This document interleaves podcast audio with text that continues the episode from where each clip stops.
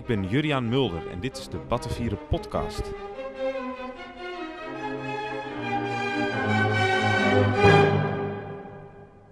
En uh, zoals ieder, ieder eind van de maand zit ik weer bij Perry. Ja, hallo Juriaan, hoi. Hey, ja, daar zitten we weer. Het, uh, ik, ik, krijg veel enthousiaste berichten nog steeds. We gaan dus lekker door hiermee. En ik heb ook een, uh, om gelijk maar met de deur in huis te vallen. Ik heb een leuke vraag die onder het Facebook filmpje van de vorige keer is geplaatst. Mm -hmm. Die heeft er ruim de tijd voor genomen. Dus we gaan ook deze vraag met ehm, enig geduld behandelen. Ik heb een vraag aan Perry over het nationaal socialisme als ideologie, stelt G-City 050. Um, we horen vaak dat dit als een rechtse ideologie bestempeld wordt. Waarop is dit gebaseerd? Op een economische tegenstelling of iets anders? En zo ja, waarop? De heer Bosma zegt bijvoorbeeld dat het nationaal socialisme eigenlijk een linkse ideologie is. Die wil bedrijven collectiviseren en Hitler was ook een dierenvriend, et cetera. Graag zou ik het van een onafhankelijk iemand willen horen. Bijvoorbeeld dank Perry. Ja, dat, ja, dat is een interessante vraag. Ja, dat dierenvriend zou ik nou niet direct als argument hebben aangedragen in, in, in dit verhaal. Hoewel de, de, de jachtwetten die nu in Duitsland gelden nog steeds van Herman Geuring uh, zijn. Dus ze hadden daar wel bepaalde visies op. Uh, maar het is, het is een interessante vraag. En uh, er is ook de laatste jaren in, die, in, de, in de, de boeken over Hitler, en vooral de vroege Hitler, ook wel gespeculeerd dat Hitler zelf ook communistische sympathieën zou hebben gehad. En um, uh, ja, je moet natuurlijk zo zien dat dat, dat dat Duitse leger was een soort lompenleger... wat uiteindelijk weer uh, terugstrompelde van dat front. Daar zaten natuurlijk allerhande sentimenten in. En mensen waren natuurlijk ook op zoek van... ja, wat wordt mijn toekomst en uh, hoe ziet de, de wereld eruit?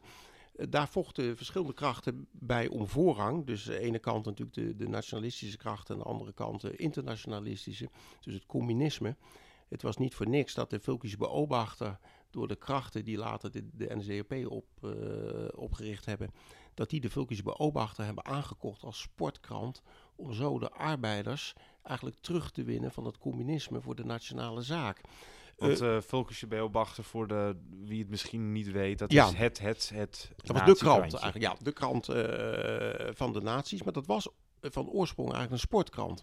He, dus hoe bereik je de gewone mensen? Door natuurlijk lekker over voetbal te berichten en dat soort zaken. Ja, ja. En uh, dus je ziet dat daar een, een groot besef was van uh, we moeten die, die, uh, die, die, die, die, die, gewone Duitse man eigenlijk weer winnen voor die nationale zaak. Um, je kunt eigenlijk zeggen dat ze allebei in dezelfde vijver visten. Dus in die zin zie je daar al de overlap in het hele idee. Het tweede punt is natuurlijk, het is nationaal socialistische Duitse arbeiderspartij, hè, de NSDAP. Je ziet ook in die hele naamgeving dat die, die arbeider natuurlijk centraal staat. Wat het communisme denk ik goed begrepen heeft, uh, dat de, de, Russische revolutie en de Eerste Wereldoorlog natuurlijk betekenden dat er een enorme emancipatieslag gemaakt is voor die arbeider. Dus of je nou links of rechts bent, allebei die partijen hadden daarmee te maken. Ik heb überhaupt het hele links-rechts debat altijd een enigszins gekunsteld debat gevonden. En je ziet het nu ook weer terug in deze vraagstelling. Hè, het is van allebei eigenlijk een beetje. Maar... Het, het is, in ieder geval niet het midden, maar het is een ander soort midden dan. nou ja, wat je, wat je ziet is dat je uh, de... de um, men heeft al gezegd, en dat is een beetje waar, de, waar Bosma denk ik ook uh, richting uh, op wijst dat het echte revolutionaire element in het nationaal socialisme eigenlijk in het woord socialisme lag. Maar daar moeten we denk ik toch ook een beetje mee oppassen. Want het is misschien wat, wat, wat gemakkelijk om in één keer te zeggen... ja, eigenlijk zijn de, de misdaden van de naties eigenlijk een soort crypto-communistische misdaden geweest. Uh, je kunt beter zeggen dat ze bij elkaar de les goed hebben afgekeken. Het is wel zo dat de, toen de, die Totenkopverbenden werden opgericht... dus laten we zeggen de eerste organisaties die voor die kampen verantwoordelijk waren, dat daarbij wel know-how van de Sovjet-Unie gebruikt is. Dus die NKVD had al wat jaren voorsprong in dit verhaal en die wist hoe je je nationale oppositie op een keurige manier opsloot en zorgde dat die monddood werden gemaakt. Dus dat gebeurde wel, uh, wel degelijk. En je ziet dus dat zo'n uh, zo'n Wekkeler en later Theodor Eike, dat zijn de mensen die daar wel leringen uit hebben getrokken en op dat men, die manier hebben toegepast. Maar het grote verschil zit natuurlijk toch in een aantal zaken. Dat communisme was internationalistisch. Dus die had de wereld als doel. Dat is net als een godsdienst eigenlijk. De islam wil ook de wereld. En de christendom wil ook mondiaal zijn invloed laten gelden. Het nationaal socialisme uh, was niet inclusief, dat was exclusief. Dus dat was exclusief, dat was groot-Duits, dat was Arisch, dat was Germaans, hoe je het noemen wil. Uh, maar daar zat wel een, een, begrenzing in, in dat verhaal. Je kunt uh, wel zeggen dat binnen die begrenzing er veel aandacht was voor typisch socialistische thema's. Zoals de rol van de arbeider, ook de rol van de boer was heel belangrijk. Maar goed, de boer moest collectief worden in het communisme en de boer kreeg juist vrijheid in het nationaal socialisme. Veel van die Drentse Nederlandse boertjes die op de NSB stemden, deden dat juist omdat er aandacht was voor hun problematiek. Dat is de reden waarom daar wat meer gecollaboreerd is dan elders in Nederland. Dus je zag dat daar een element in zit, een sociaal element. Maar dat maakt wat anders dan dat het nationaal socialisme een soort uh, communistische beweging was. Ik denk dat er echt op een aantal uh, hele fundamentele vlakken uh, verschillen lagen. Maar ze waren gelijk in de methodiek van de terreur, zou je kunnen zeggen. En in de, de meedogenloosheid waarmee men hun tegenstanders De middelen. Ja. Maar zou je kunnen zeggen dat, um, een korte hersenspinsel van mij, dat het nationaal socialisme aan zich, dat dat de ideologie van de autarkie is? Uh, ja, maar autarkie zie ik dan toch als een soort economisch model. Kijk, de Sovjet-Unie probeerde dat natuurlijk ook te zijn. Die wilde ook graag zijn eigen graan verbouwen, maar moest toch importeren uit de Verenigde Staten altijd. Dat ja, maar die hadden als doel, uh, we, we, uiteindelijk komen we er wel. Uiteindelijk internaliseert het, terwijl nationaal socialisme zegt, we zijn, um, we zijn alle één ja. binnen dit landje. Ja, maar voor die autarkie hadden ze wel. Kijk, het interessante was, de Nazi-Duitsland ging ervan uit dat bij behoud van de status quo, dat er geen toekomst zou zijn voor Duitsland. Dus ook die hadden een, wat dat betreft, een uh, irredentistische uh, internationale agenda. Dus zij wilden hun buurlanden, met name Oost-Europa, veroveren om uiteindelijk autarkisch te, te kunnen worden. Dus ik denk, ja, dat was een klassiek veroveringsprogramma. Dus eigenlijk een, een, een, een soort neocolonialistisch concept. Terwijl de Sovjet-Unie natuurlijk een, uh, ja, die wilde de rest van de wereld overtuigen. En als dat niet lukte, kon dat ook op de punt van het bajonet. Maar die hadden toch, uh, wat dat betreft, een, een, een, uh, ja, een zendingsideaal. En dat is natuurlijk wel een verschil met een, een, een veroveringsprogramma. Alleen die zending komt via het communisme natuurlijk ook gewoon via verovering gaan. Ja, nou, ik denk dat uh, G-City 050 uh, ik hoop het, heel ja. tevreden mee kan zijn. uh, en ik stel voor dat we doorgaan naar het, naar het nieuws van de afgelopen maand. Ja ik, ja, ik kijk het altijd ietsje breder dan bij de dag. En er vielen mij een paar dingetjes op. Um, ik weet niet of jou is opgevallen, maar er zijn ontzettend veel stukken in de krant die ons voortdurend vertellen hoe gelukkig we allemaal zijn. Daar wordt veel onderzoek naar gedaan. Ik lees iedere maand wel ergens hoe gelukkig ik ben. en ik, dat heeft ook iets dwangmatigs. Ik, dan denk je op een gegeven moment van, is er een soort geluksmakenindustrie die wil dat wij gelukkig zijn? Uh, maar goed. blijkbaar iets verkeerd, want ik ben niet gelukkig. Iedereen is gelukkig. Ja, nou ja. Ik, zie allemaal brede, brede grijnsen en ik, glimlach als ik de bus instap. Nou ja, ik, ik begrijp het ook niet helemaal. ja, goed, ik wil het niet eens over mijn eigen persoonlijke situatie hebben. Ik, ben, ik sta redelijk uh, happy, denk ik, in het leven. Maar het valt me wel op dat dit zo blijkbaar een grote nieuwswaarde heeft en voortdurend gebracht wordt. En het, wat ik nou iets heel aardigs vond, Nederlands Dagblad heeft daar zijn hoofdredactionele commentaar aan gewijd uh, uh, enige tijd geleden. En die hebben ook een verklaring voor ons geluk. En ik dacht, nou, dat zal wel liggen in het bidden en dat soort zaken. Het is tenslotte een zeer religieuze krant. nee, zeggen zij. ze hebben gekeken en dat begint dan eigenlijk al bij de lagere school en de middelbare school. En wat blijkt nou? De Nederlandse puber die fietst gemiddeld 2000 kilometer per jaar en daar wordt hij zo gelukkig van. Dat schijnt dus ongelooflijk goed te zijn voor jouw state of mind. En dat verklaart ook gelijk waarom als de, de, de, de leerlingen uiteindelijk naar de universiteit gaan, massaal in één keer in het diepe gat vallen en allemaal aan de antidepressiva moeten. En dat komt gewoon omdat ze niet meer fietsen in die tijd. Want dan krijg je een OVA-kaart en dan zit je dus nooit meer op de fiets. Dus ik vond het eerlijk gezegd een opmerkelijk bericht dat zou bijna een pleidooi zijn om die OV-kaart af te schaffen. Iedereen gewoon weer op de fiets en dan zijn we met z'n allen, uh, zijn we met z'n allen gelukkig. En dat onderzoek is wonderlijk genoeg ook de uitkomst in Canada. Daar hebben ze dat ook onderzocht. En die kwamen ook tot de conclusie dat de fiets een centrale rol speelde. En dit doet mij denken aan, want dat is de, de relatie met de religie weer, aan wat Martin Ros mij uh, wel eens vertelde. Martin Ros, die bekende boekenliefhebber en uitgever, die groeide op in, uh, in de wijk Klein Rome in Hilversum. Dat was de meest katholieke volkswijk eigenlijk van, Rome, van de Hilversum. En ja, en op een gegeven moment komt natuurlijk de puberleeftijd dat je achter de meisjes aan wilde. En dat mocht natuurlijk niet van de kerk. En de grote oplossing was altijd, je moet lekker gaan fietsen met z'n allen. Zoveel mogelijk fietsen. Al die jongens op de fiets en eindeloos langs die heides fietsen bij, uh, bij Hilversum. Dan uh, vergaat je vanzelf iedere lust om je nog vervolgens aan je buurmeisje te vergrijpen. Dat was eigenlijk die oplossing. Dus het idee dat uh, fietsen, laten we zeggen, een, een, een, een opvoedend element in zich draagt, is dus niet is dus, is dus niet nieuw. Want het katholicisme en het wielrennen heeft, altijd, heeft grote verbanden. Het is niet voor niks dat Italië ook en Frankrijk daar een grote rol in speelt. Ik denk, denk dat je, dat je hoe, hoe ver in de tijd moet je teruggaan om een CDA-fractievoorzitter te vinden die geen wielrenner was in zijn vrije tijd? Ja, nou, ik, ik, ik denk dat dat, uh, nou, het schijnt een echt een geliefde uh, sport te zijn geweest in, die, in, in die kringen. Het interessante is natuurlijk wel dat de echte psychische problemen van de studenten liggen natuurlijk ook aan hele andere zaken. Hè. Het is heel erg uniformerend geworden, dat hele, hele uh, voortgezette onderwijs en de, en de studietijd. Mensen hebben studieschulden, ze moeten, ze moeten hun studie natuurlijk vrij snel afmaken. wat ik tegenkom aan jonge studenten is dat er best wel een behoorlijke belasting eigenlijk is. En dat die tijd voor, voor contemplatie die je vroeger nog wel eens had in je studie, die lijkt mij wat meer te ontbreken. Ja, de, de, de geest, de geest van, de, van een universiteit zoals je hem zou verwachten, die is ver te zoeken als je het mij vraagt. Ja, nou ja, en daar zie ik eerlijk gezegd, bol, ik vind het een sympathiek verhaal hoor, van dat uh, wielrennen. Maar ik denk dat dit dus ook, ook een rol speelt. Dit is misschien als kanttekening bij uh, het Nederlands Dagblad. Maar ik vond het toch een opmerkelijk nieuwtje.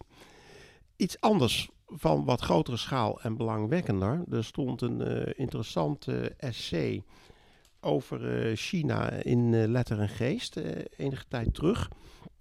En dat verwijst naar een wereld die we kennen uit de film Black Mirror.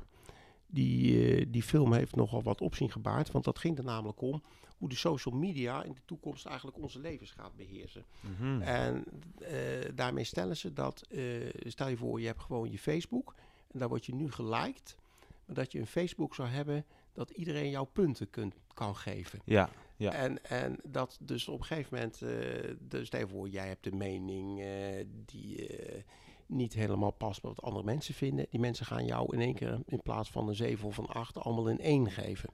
Waardoor jij in één keer sociaal geïsoleerd wordt.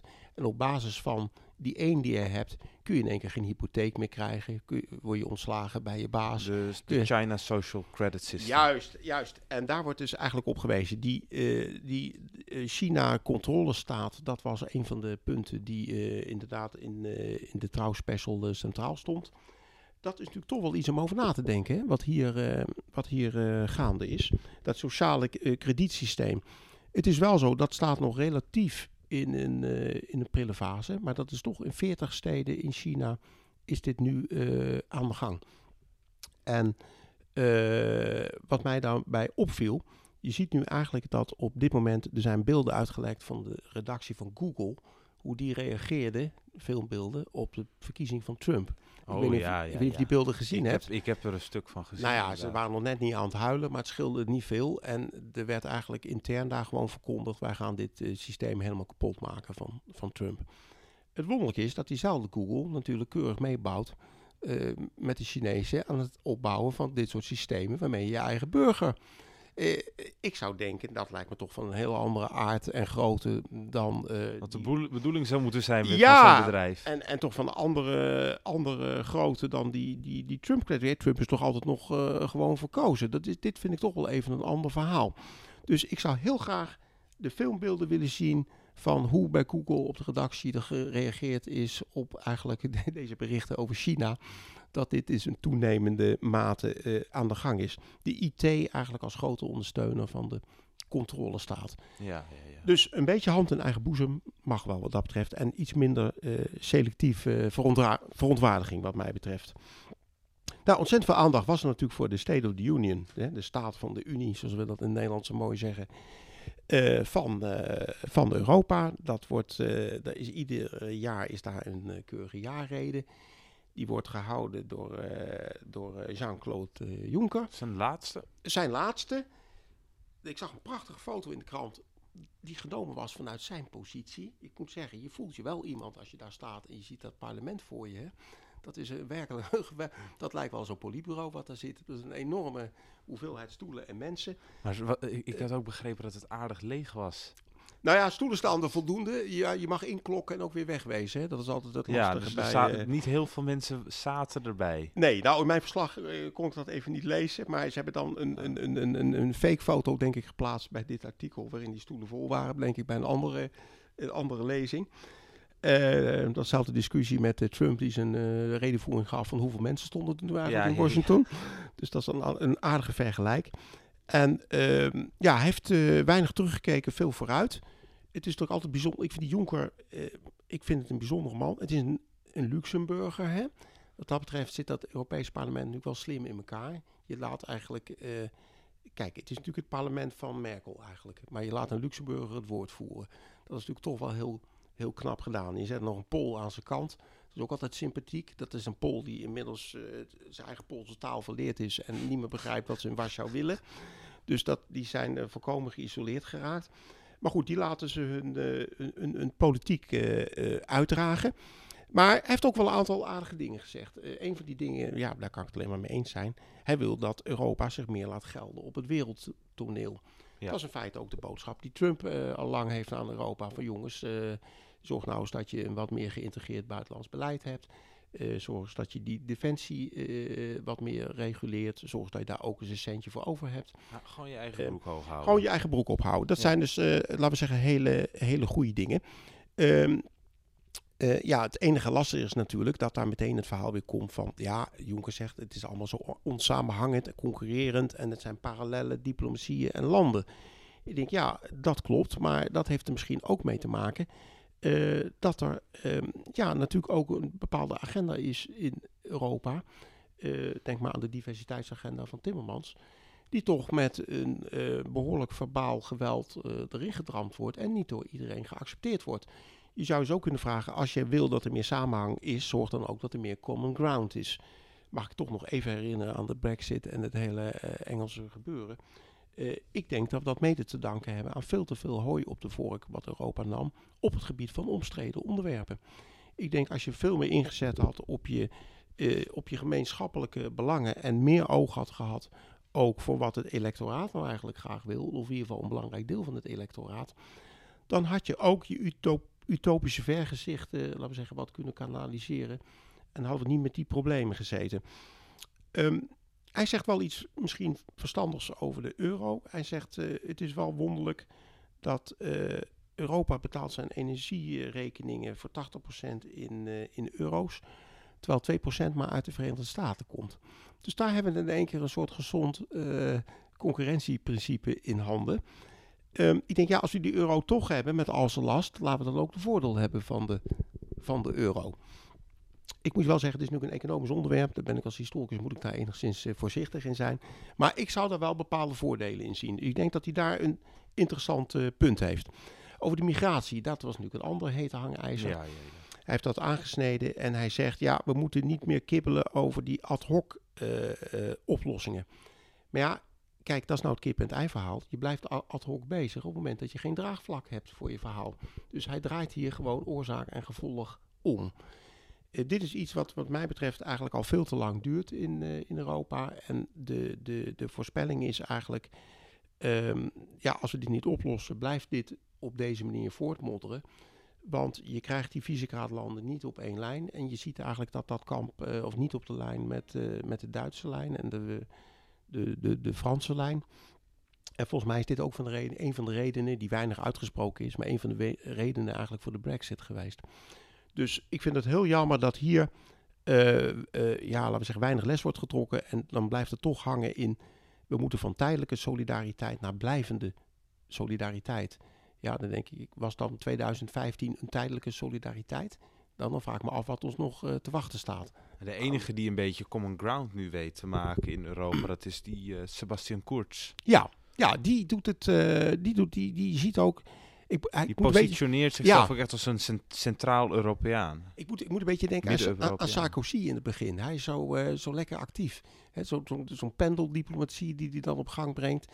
Af en toe heb je jonge honden nodig die weer even de boel uh, vlot trekken. Ja, het is nog wat te kort misschien uh, voor, voor, voor een oordeel. Maar uh, in ieder geval um, zie je dat, uh, dat vind ik ook een vorm van bruggenbouw. Hè? Gewoon laten zien dat je er bent.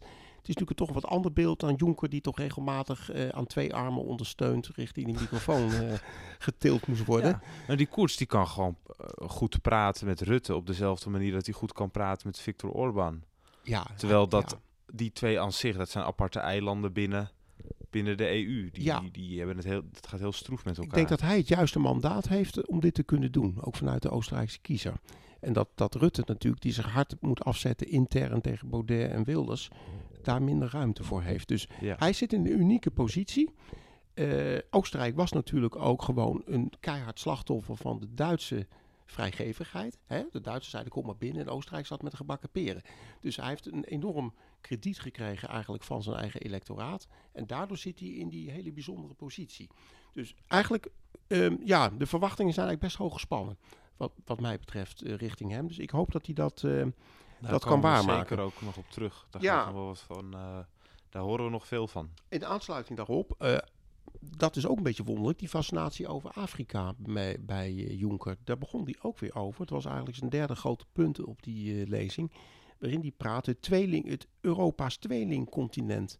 Nou, dan denk ik, dan ken ik het nog wel een. En dat beschouw ik dan eigenlijk het Aziatische deel ja. van, van Oost-Europa. Uh, eerder gezegd heb ik dat altijd veel belangrijker gevonden dan het, uh, dan het Afrikaanse deel. Dus je ziet toch dat daar op een of andere manier een zekere uh, focus op ligt, die ik niet helemaal kan verklaren. Um, hij heeft het wel over van ja, we moeten eigenlijk af van die term ontwikkelingshulp. We zouden meer moeten gaan naar samenwerking. Nou ja, weet je, dat vind ik dat, ja... Ik, maar een beetje nieuwspeak, uh, om het gewoon heel plat te zeggen. Nou ja, daar is, dat zijn ook een soort lege woorden waar iedereen het over eens is op zich. Maar ja, hoe vul je dat godsnaam in als daar een bevolkingsexplosie uh, aan zit te komen die zijn weergaan niet kent? En dan nou roep je ook nog... nog, die faciliteer je bijna. Die faciliteer je en... En het punt is ook nog dat men zegt, we gaan ook nog even 10 miljoen banen creëren in Noord-Afrika. Want dan, dan om daar de ergste, maar wat heeft 10 miljoen banen als die bevolking daar op, op zo'n schaal toeneemt? Uh, dat is een inflatie, daar kun je niet tegen, tegen aanwerken als het ware. Dus ja, ik, ben, ik deel die, uh, dat optimisme helemaal niet, die daar uh, um, doorklinkt. Maar dat gebrek aan, op, aan optimisme, dat duidt hij in zijn vierde punt als populisme. Dus iedereen die, die dat optimisme niet deelt, wordt automatisch ingedeeld bij het kamp van de populisten. Ik denk dat dat de zwakte is geweest van de Juncker-politiek en ook uh, debet is aan de, de euroskepsis uh, wat je ziet. Uh, namelijk dat men toch heel erg gedacht heeft van wie niet voor ons is, is tegen ons. Terwijl volgens mij had het veel meer moeten zijn uh, toch een. Um, het is jammer dat een aantal fundamentele debatten gewoon niet gevoerd zijn. Het rare is, aan de ene kant is Europa een soort debatmachine die weinig slagvaardig is. Zie de kritiek op Trump en eigenlijk ook wat Juncker zelf zegt. We moeten ons meer laten gelden. Aan de andere kant heeft men hele fundamentele debatten niet gevoerd. Dus men praat veel, alleen over de verkeerde onderwerpen zou je kunnen zeggen. En uh, ja, ik vind dat heel jammer. Uh, hij duidt dat aan. We moeten nee zeggen tegen ongezond uh, nationalisme. En uh, ja tegen een verlicht patriotisme. Ik denk, ja, wanneer is het verlicht? Op het moment dat je de, de, het concept Juncker steunt, is het dan verlicht in één keer? Dus ja, ik vind dat een, een, een moeilijk punt. Als meest explosieve dossier hebben ze natuurlijk de brexit aangehaald. Nou ja, we, we koersen nu naar de laatste dagen misschien wel van mee toe als die daar niet met een oplossing toe komt. Er is een groot Labour-congres net geweest in Engeland, die daar heel, uh, heel sceptisch over zijn. En, um, nou ja, en tenslotte uh, stemde hij af met um, ja, toch zijn zorgen die er nu een beetje zijn over de ontwikkelingen in, in, in Polen en Hongarije. Ja. En over het terrorisme. Maar ja, dat zijn beide een klein beetje open deuren. Dus ik vond het een typisch Junkeriaanse eindspeech. hij heeft gewoon zijn oude stokpaardjes, uh, denk ik, herhaald. En ehm, ja, het, het, het, het, maakt, het heeft mij niet heel veel enthousiasme kunnen opwekken. We gaan, uh, we gaan vanzelf ook over de loop van de maanden kijken wanneer het interessant wordt om in die brexit te duiken. Ja, zeker. Want de deadline komt dichtbij en de eerste borrelingen die komen nu al op. Zeker. Maar dat wordt nog veel spannender. Ja, dit wordt, uh, nou ja, Jonker zegt zelf, dit is het grootste dossier. Ja. En ik, ik heb ook moeite om in te schatten waar we nou precies over praten qua geld. Ik heb ontdekt dat je over praten van geld naar Griekenland, heb ik begrepen, dat je daar beter niet te veel over kan zeggen. Want zelfs economen snappen dat eigenlijk niet. Hè? Dat is iets ongelooflijks als je ziet hoe er met miljarden getoverd kan worden. Ja. Dit is wel een enorme kwestie die eraan komt. We gaan het erover hebben. We gaan nu naar uh, de geschiedenis. 75 jaar geleden. Want daar, daar gebeurde heel wat. Ja.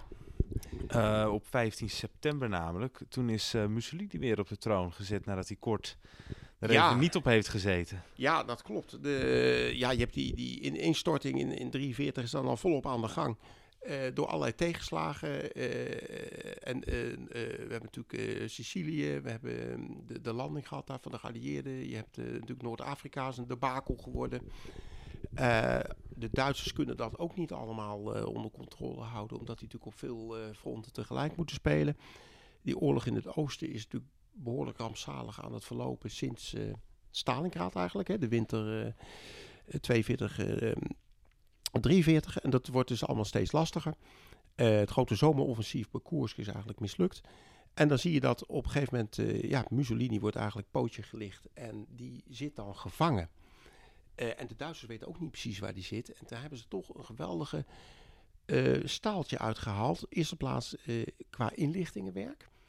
En men is vooral gaan volgen, dat is interessant, de couriers eigenlijk van de Italiaanse partisanen die eigenlijk tegen het fascisme waren. Hè, of, of vrijheidsstrijders, hoe je het wilde duiden. En op die manier is natuurlijk een ander bekend voorbeeld vrij recentelijk nog gepakt. Bin Laden, die is ook via zijn couriers uiteindelijk opgespoord. Dus als je mannetje zelf niet vindt, moet je de mannetjes volgen die de berichtjes. die er werken. Juist, juist. En wij spreken de kok en de, en de postbode. Die moet je in de gaten houden. Nou, zo hebben ze dat gedaan. En daar hebben ze een uh, meneer voor ingehuurd. Een bekende uh, eh, SD-SS'er. Dat was Otto Scorzeni. Dat is een, uh, een, bekende, beruchte naam eigenlijk uit de Tweede Wereldoorlog. Dat was een boomlange SS-officier. Met een enorme mensoer over zijn wang. Van die schermwedstrijden die die Duitse studenten altijd hielden. Ja, ja, ja. Zonder zo'n masker op. Dat was een beetje zo'n stoer... Ja, je hoe, langer, hoe langer een diepere litteken, dan uh, ja. hoe manser je was. Zeker, je ziet dat heel veel terug bij een hoop van die uh, kopstukken uit de nazi-partij. Ernst Kaltenbrunner had ook zo'n mooie litteken. Ernst Reum, maar die heeft geloof ik ook nog een granaat eroverheen gehad in een of andere oorlog. Dus die waren, laten we zeggen, ook geschonden. Scorseni die gaat erbij aan de slag en die komt er dan vrij snel achter dat Mussolini wordt vastgehouden in een, uh, in een kuuroord, uh, skipiste-achtig hotel op een lastige berghelling bij Gran, Sasso.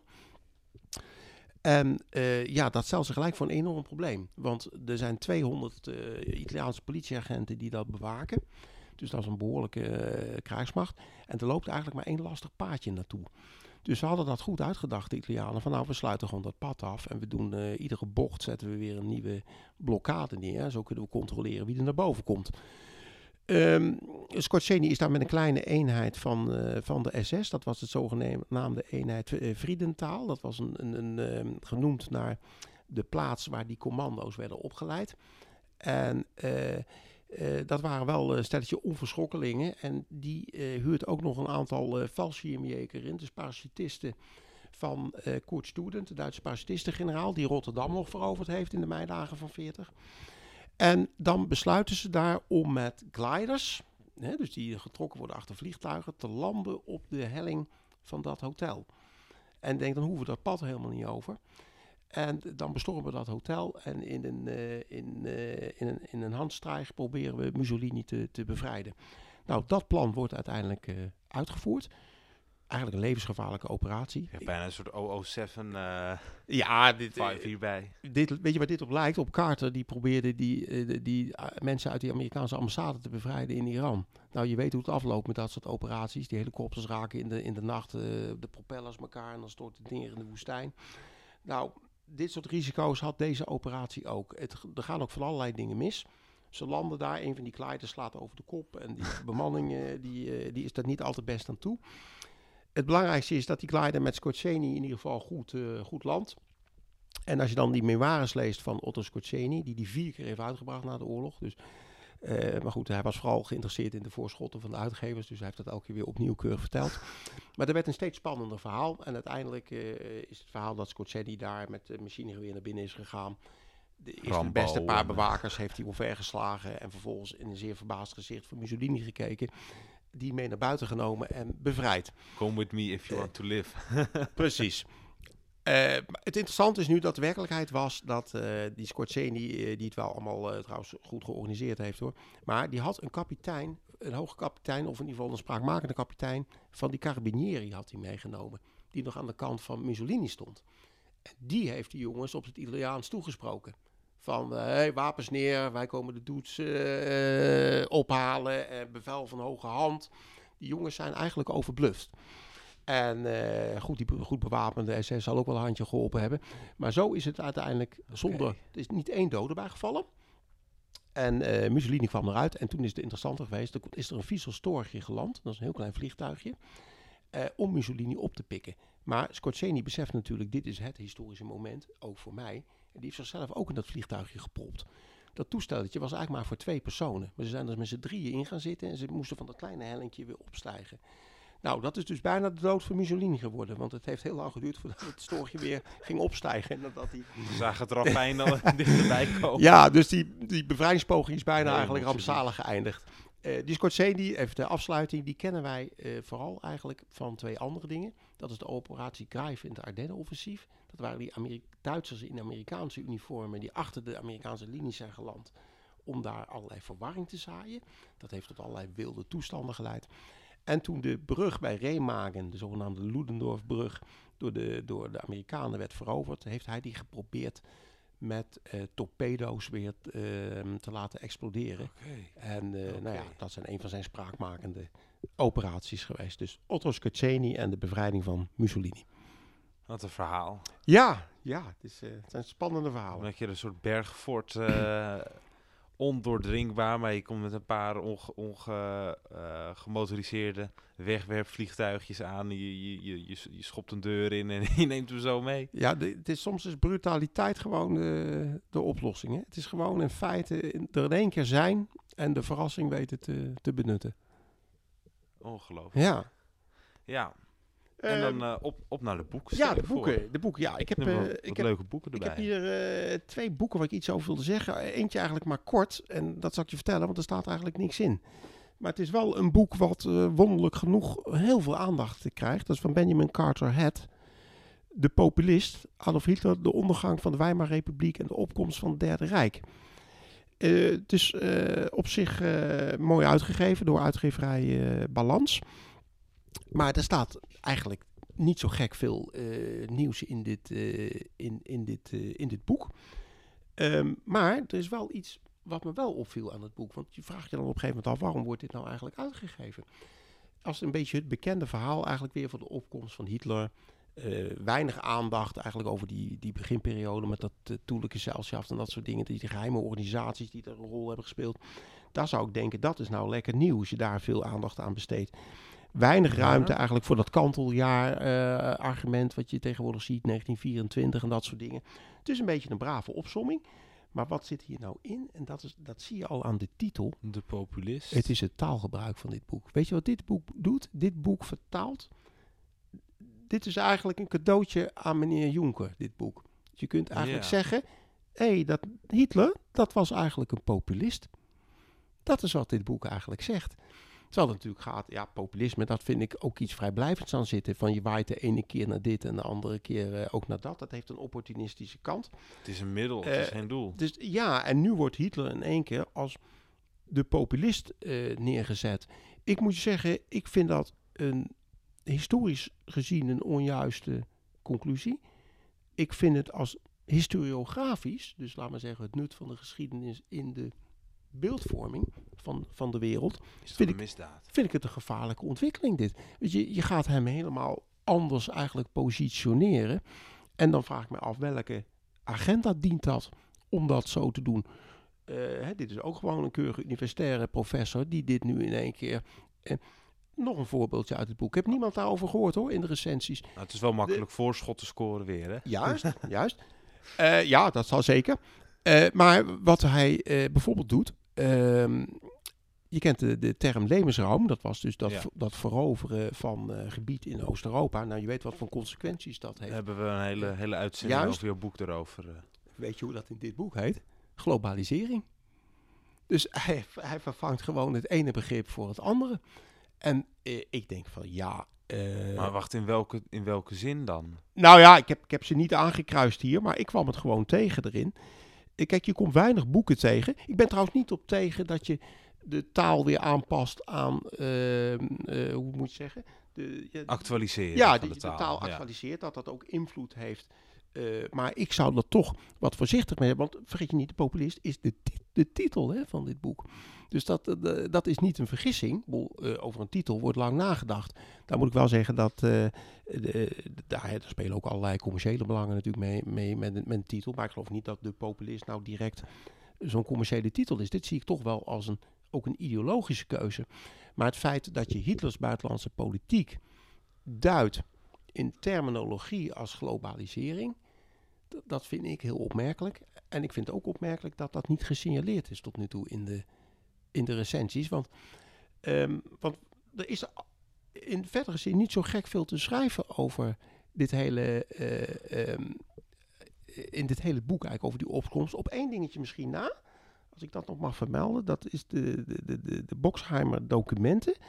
Dat zijn, um, het interessante is, we hebben op een gegeven moment natuurlijk de brand gehad in het Rijksdaggebouw. Dus het regeringsgebouw van Duitsland gaat, uh, uh, kort nadat Hitler kanselier is geworden, gaat dat in vlammen op. Dat siert ook uh, Ja, dat is de, de omslagfoto. Ja. ja. En dan zie je dus dat Hitler krijgt dus noodverordeningen en kan gaan regeren. En dan zie je dus dat er dan heel veel mensen worden, worden opgepakt. En er is altijd de discussie geweest van, ja, wie heeft nou eigenlijk die brand veroorzaakt? Hebben die Duitsers dat nou zelf, uh, de nazi's dat zelf gedaan? Of was dat toch van de Lubbe, uh, die Nederlandse communist die uiteindelijk veroordeeld is en ter dood veroordeeld is ook daarover? Uh, ik moet zeggen, dat is een debat dat heeft nooit uiteindelijk een directe eindwinnaar opgeleverd. Daar zijn de historici niet helemaal uit. Het is wel zo dat Hitler van geprofiteerd heeft. En dan is er vaak aangedragen het argument van... ja, die Duitsers waren zo snel in die arrestatie van allerlei mensen. Het leek toch wel een vooropgezet gebeuren. Nou, die zogenaamde lijsten, die waren van oudere oorsprong uh, dan, die raal, die, die, dan die Rijksdagbrand in 33. En dat gaat terug tot 31 en dat zijn die zogeheten Boxheimer documenten. Die zijn toen al opgesteld uh, door de plaatselijke natieafdeling in Hessen. En die zijn toen bij een toevallige huiszoeking zijn die ontdekt door de politie. Dat was een beetje een vergeten verhaal. Dat heeft die Carter het weer op de kaart, op de kaart gezet. Dus ik wil hem ook de credit geven waar hij het verdient. Ik was dat eerlijk gezegd zelf een beetje vergeten en ik herontdekte dat via zijn boek. Dus dat wat betreft, uh, laten we zeggen, toch nog een uh, positieve noot bij uh, De, Populist. Een ouder boek waarvan ik iedereen kan aanraden, dat is The World Was Going Our Way. En dat gaat over de, de KGB en de, de battle voor, de, voor, de, voor de Third World. En dat wou ik eigenlijk ook in samenhang zien met een aantal uh, andere uh, publicaties die er zijn. Uh, laten we zeggen rond de, rond de Koude Oorlog, wat weer een beetje een herontdekt thema is. Ja. Wij hebben zelf destijds het boek uit uitgeverij Aspect, waar ik werkzaam mee ben, het boek van Koen van Tricht gebracht destijds over de Koude Oorlog, met allerlei nieuwe, nieuwe inzichten. Het aardige daarvan is natuurlijk dat er veel materiaal is vrijgekomen in de afgelopen jaren, ook uit de Sovjet-tijd en de Sovjetkant. Die hebben natuurlijk een hele lange tijd hebben ze een beetje de, de wind uh, meegehad. Dat had te maken met allerlei ontwikkelingen. Uh, de vroegste die eigenlijk in kaart wordt gebracht, dat is de directe gevolg eigenlijk van de Eerste Wereldoorlog. En de tweede grote golf is eigenlijk de Tweede Wereldoorlog geweest. Dat zijn de twee grote breekpunten geweest waarin het communisme eigenlijk kansen zag om een ideologie op de kaart te zetten. Dit, uh, dit boek van, van meneer Christopher Andrew en Vassili Mitrokin, dat is die bekende van het Mitrokin-archief, de man die veel materiaal gestolen heeft destijds uit de, uit de Sovjet-archieven. Ehm, die hebben hier, laten we zeggen, veel materiaal blootgelegd, waardoor ook door andere auteurs daarna weer uitgeput is, zoals die van Tricht. En die leggen eigenlijk de, de systematiek bloot. Dan zie je dat de Eerste Wereldoorlog heeft het, ehm, de, status quo eigenlijk van Afrika opengelegd doordat de Duitse koloniën vrijkwamen. Daar zag je dat allerlei bevrijdingsbewegingen daarin uh, geopereerd hebben. Daar zag het communisme vervolgens zijn kansen. En de Tweede Wereldoorlog, dat is het tweede grote ehm, eh, moment waarin de zaken veranderen. Dan zie je eigenlijk de terugtocht van de koloniale machten uit de koloniën. En dan pakt natuurlijk de Sovjet-Unie zijn kansen en stapt, daar, stapt daarin. Het meest interessante voorbeeld is uh, Nasser van Egypte. Egypte was een belangrijk land. Uh, het was het grootste land eigenlijk van de Arabische wereld. Het was, uh, uh, ja, het was altijd eh, een speel tussen zowel het Afrikaanse continent als het Midden-Oosten. En ze hadden een spraakmakende leider in de vorm van Nasser, die als zeer jonge man de macht grijpt. Hij is dan midden dertig. En dan gezien wordt eigenlijk als de, de grote bevrijder van ehm, eh, Egypte van het Britse juk. En uh, anti-koloniaal in opstelling, anti-westers, pro-Sovjetblok, pro-pan-Arabistisch, voor het grote Arabische ideaal, maar ook Afrika voor de Afrikanen. Dus hij speelt eigenlijk op al die schaakborden tegelijk. Dus dan is hij daarmee de, de interessante figuur en ze beginnen hem ook uh, te bestoken met allerlei uh, uh, steun en informatie. En ze vertellen dat de, de, de, de, Britten hem eigenlijk willen vermoorden. En dat de Amerikanen een, oogje hebben op Egypte en op de, op de olie. En, en dat leidt uiteindelijk tot, tot de beruchte Suezcrisis. Die hij militair verliest, maar politiek wint. Want daarna is hij, het gaat over het Suezkanaal, die de Britten en de Fransen willen veiligstellen.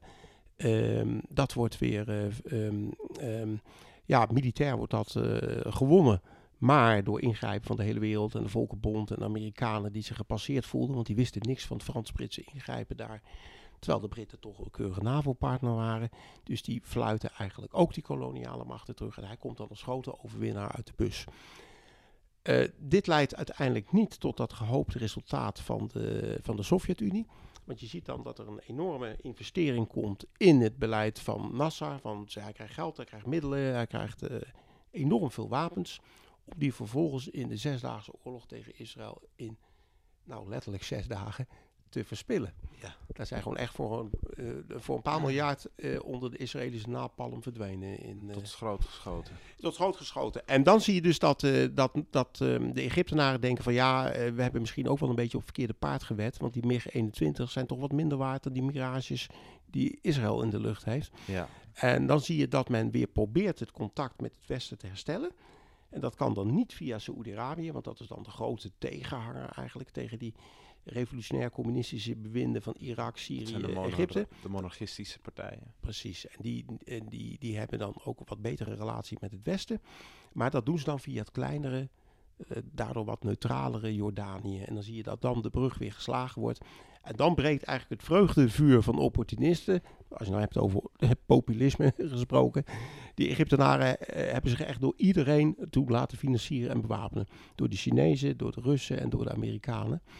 En uh, ja, je ziet dat ook in vrijgekomen CIA-rapporten. Daar staat in de Egyptische economie uh, is een ramp. Maar zij zijn wel de meest effectieve geldophaler in de wereld. Dat staat letterlijk in een van die rapporten. Dus, uh, dat het mandje in de rond met de collecte. Daar was Nassau in ieder geval heel goed in. Nou, dat zijn leuke inkijkjes die je ziet eigenlijk in, in literatuur op dit moment die vrijkomt over de, over de Koude Oorlog. Zo, nou, nou, het levert toch wel top om elke maand uh, met een historicus te gaan zitten. Ik hoop het, dankjewel. Nee, nee, maar dat geloof ik. Ja. Echt in, ook met betrekking tot het nieuws dat we net bespraken, toch even zo'n maand aan informatie even op een afstandje zetten en, en, en daarna gaan kijken. Er gebeurt, er gebeurt veel op dit moment in de wereld. En uh, dat zal ook zijn uitwerking uh, hebben. Dus we zijn voorlopig uh, nog wel even onder dak. Perry, dankjewel. Graag gedaan. Yes. Bedankt voor het luisteren en graag tot de volgende keer.